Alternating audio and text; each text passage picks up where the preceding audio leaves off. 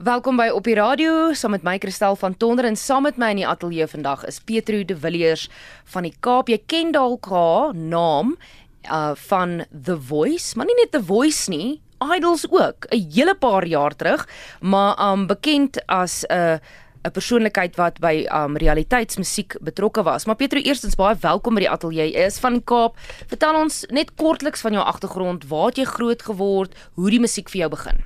Ah ja, uh Pieter de Villiers, ek is sing al van baie kleins af. Ek dink uh 9 of 10 jaar oud. Ek begin uh, met sangresse al en so in klein kompetisietjies en so gedoen. En van die ouderdom van 17 af het begin professioneel doen. Ag, oral opgetree, soos ek sê, toe nou die idols gedoen.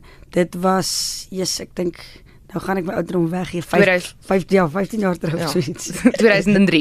Ja, dis nog gesê ek ehm um, ek onthou my ma moes nog my kontrak teken want ek was nog eers 21 nie.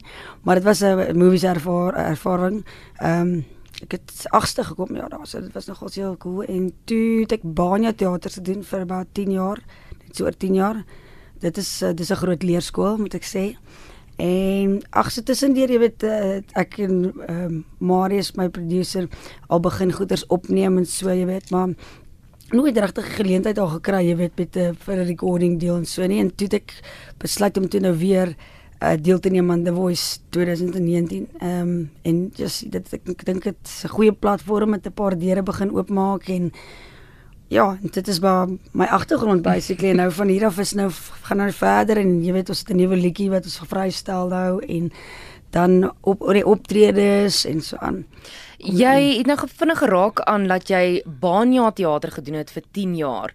Was dit um het dit net op jou pad gekom na Idols, um toe die reeks nou verby is en jy het nou agste gekom?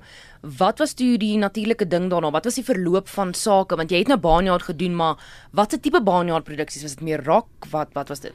Jong, dis die lekker ding van Baanjaard. Ehm um, ek het gesê dis 'n goeie leerskool want jy doen letterlik alle soorte style. Jy weet, ek het gegaan en audisie gedoen by Duck Charles wat die shows wat die Baanjaard besit basically.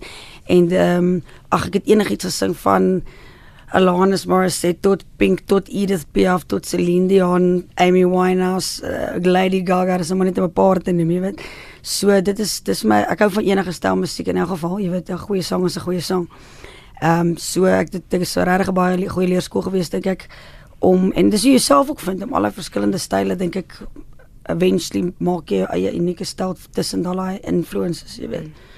So, maar dit was 'n goeie leerskool, ek moet sê dit was ja, maar ek dink 10 jaar toe moet ek, jy weet, 'n 6 aande week, toe moet ek iewers like die lyn trek en sê, jy weet, wil bietjie van my eie ding werk en dis nou wat ek doen.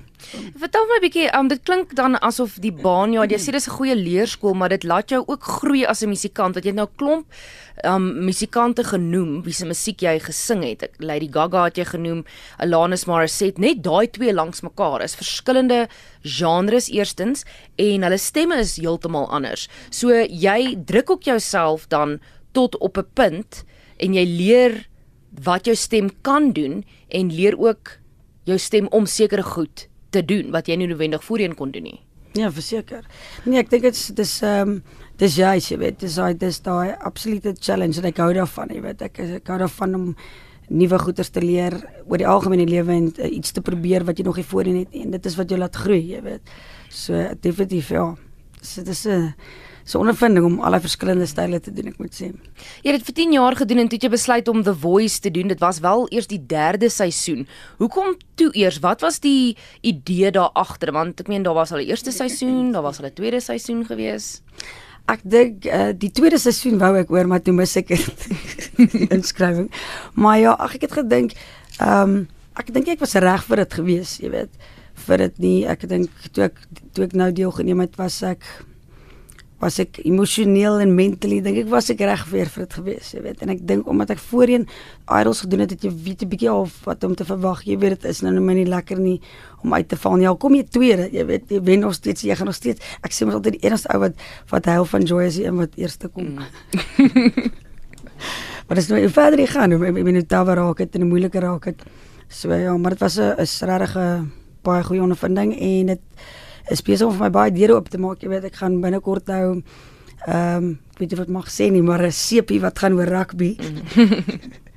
Ehm um, ook uh, op hulle Kersprogram op uh, sing en dan ehm um, uh, laat wielkar program ook wees. Ek goed dat ek het 'n groot liefde vir vir motorsport ook. Soos ek vroeër gesê het, ja, musiek en motorsport. So ek trek baie op by Kilani Racetrack en ehm um, ek gaan nou juist die uh, Pink Ride doen vir Vrouedag en dis mos nou maar vroue maand, jy weet. En dis insameling vir vroue met borskanker, jy weet. Hulle het 'n tipe van 'n uh, uh hoe kan ek sê, dis is 'n mobile uh testing, jy weet ek weet nie wat se woord daarvoor, maar in elk geval dit hulle doen dan uh toets vrouens, jy weet vir borskanker, mense wat nie kan dit bekostig en sulke hmm. verstaan en dan kan jy dit miskien vroeg genoeg vang, jy weet. So enigiets soos dit sou like ek om by te by betrokke te wees. Buiten die die motorfietsse wat nou by die Pink Ride betrokke is, het jy 'n spesiale koneksie aan hierdie aan hierdie drive, uh, borskanker spesifiek? Uh ek het 'n sussie wat self ook uh, een bors afgesit het. So ek ek het nou nie te lank terug nie gesing vir 'n fondsinsameling vir 'n vriend van my se dogtertjie het breinkanker. Jy weet, so dit is om dit is om ons oral, jy weet. Ek sê ek sê altyd ek dink in die ouer dae was dit daar gewees. Mense het net gedink jy gaan dood in iets anders, jy weet. Hulle dalk net nie geweet nou enige iets wat wat betrokke is en hulle kan dit vroeër vasvang. Ek uh, ek sal love om betrokke te wees met dit waar kan, jy weet. Mm. So vertel ons van die musiek, uh ook die nuwe snit wat jy wat jy gaan bekendstel, maar um die musiek wat jy skryf, jy skryf jou eie goed.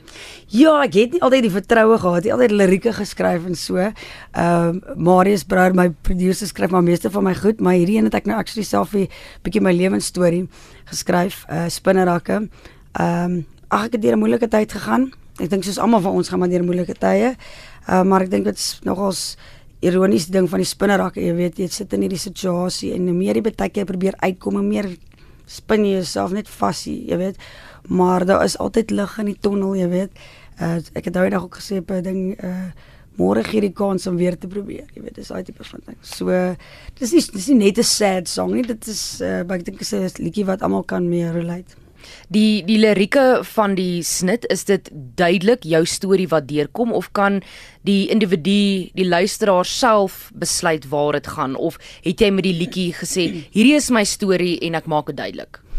Ehm um, ek dink dit is dit is miskien nie so duidelik nie maar dit is definitief my storie maar ek dink dit is nie noodwendig ou wat deur spesifiek my situasie gegaan het, gaan net met dit kan geassosieer nie. Hy deur enige moeilike tyd iemand iemand verloor in hulle lewe en jy dink hoe gaan jy uit hierdie situasie kom, jy weet, so want daar weer hoop is, maar dit is definitief gebaseer op my lewensstorie, ja.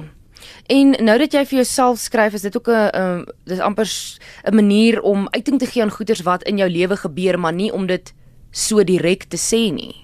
Ja, ek dink ou wil dit ook nou nie heeltemal, jy weet, mense se se kele afdruk ook juis vir 'n rede dat dat 'n ou wat 'n ander situasie het waar waar hy ook pyn voel dat hy nog steeds kan assosieer daarmee en hopelik meer en meer deur songs wat ek gaan skryf mense probeer inspireer met my storie, jy weet, en miskien help dit jy weet, baie mense dieselfde fout maak nie, whatever.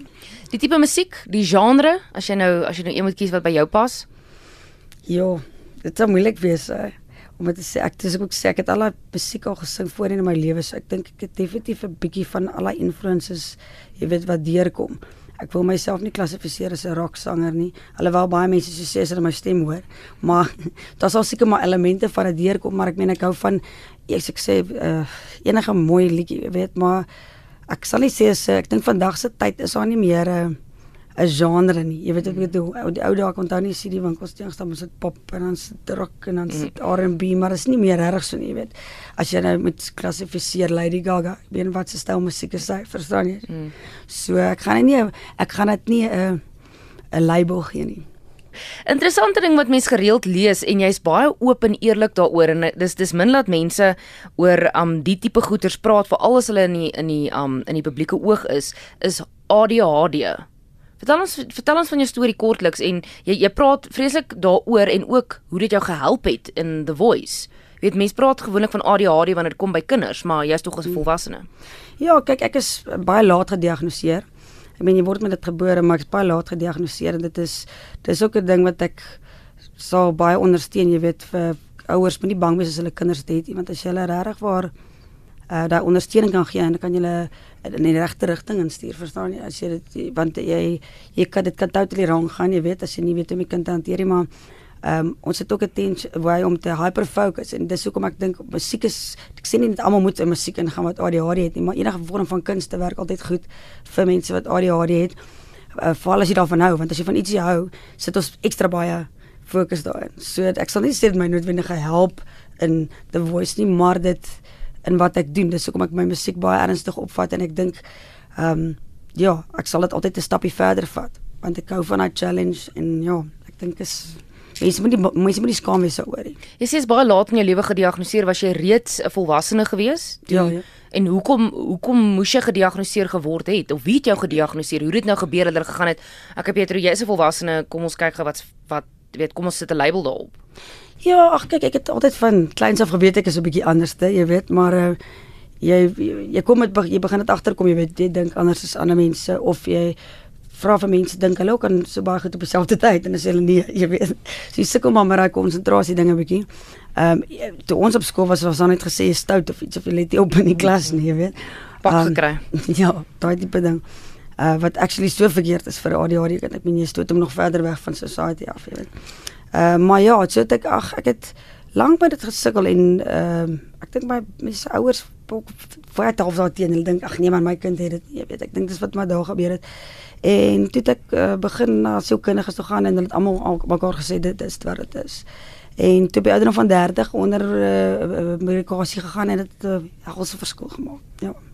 Die oomblik as jy dit het om dit te aanvaar as jy die oomblik as jy dit self aanvaar maak jy lewe baie makliker en want en ook besef dat nie almal gaan van jou hou nie. Dit is nou maar net hoe dit is. Jy weet, ons het 'n ons is maar bietjie uh, oorsensitief ook so, maar jy leer elke dag jouself beter ken en jy kom agter dat op die einde van die dag moet jy gelukkig wees in jou eie vel. Jy weet. And you can't expect others to love you if you can't love yourself. Jy weet nou in die publieke oog is, was dit vir jou maklik geweest die eerste keer dat jy daar gepraat het om te sê, "Kyk, dit is wat ek het. Ek is daarmee gediagnoseer en maar wat het jou laat besluit dat dit nodig is om dit te deel?" ag ek het net gedink jy weet miskien kan daar is daar mense daar buite jy weet wat wat ek dink en ek dink daar is jy weet. Ehm um, hulle sê 10% mense het waarvan 1% vroumense is maar daar is van hulle rond jy weet. En baie mense dink dalk hulle het dit maar is ook skaam daaroor. En ek het gedink dit sal dalk ander help as ek daaroor praat jy weet dat hulle kan voel okay dis okay om dit te hê so dit is nie so bad nie jy weet. Pietro die die enkelsnit is nou uit 'n album enige iets in die in die pipeline Ja, uh ons vat maar stap vir stap, maar ja, die liedjie is nou uit. Ehm um, die album is ja, yes, ons het al basically al die materiaal, jy weet, dis nou maar net om die hele ding aan mekaar te sit. Sal ek wil nou nie ek wil nie beloftes maak nie, maar hopelik hier teen die einde van die jaar anders as vroeg volgende jaar. Ja. As ons het ook 'n music video vir geskiet nou. En dit sal ook seker binne die volgende 2, 3 weke sal dit uit wees. Dit gaan ongelooflik wees. Ons het dit op 'n op 'n pirate ship geskiet. Dis so dit gaan nogals ja. Wat jy waar kry in hierdie omgewing? Nee, nie hier nie in die Kaap, hoor in die Kaap. dit maak meer sin. Die Jolly Roger, dit was nogals heel cool en ek het 'n hele steampunk outfit aan gehad. So dit was nogal 'n experience vir my. So dit gaan binnekort bekend gestel word en dit gaan op YouTube beskikbaar wees. Verseker, ja. Alrite, so um, ons luisteraars met hulle oë en ore oop hou vir um die musiekvideo. Pietro, as ons luisteraars jou wil volg op sosiale media om te kyk waar jy gaan optree, dalk um waar jy weer 'n pink ride gaan doen of dalk jou sien by een of ander motorresies, waar kan hulle jou volg? Facebook definitief onder Pieter de Villiers. Daar's 'n official blad ook vir dit en dan ook op Instagram adverteer ek ook so. Is dit net Pieter de Villiers? Pieter de Villiers, dit is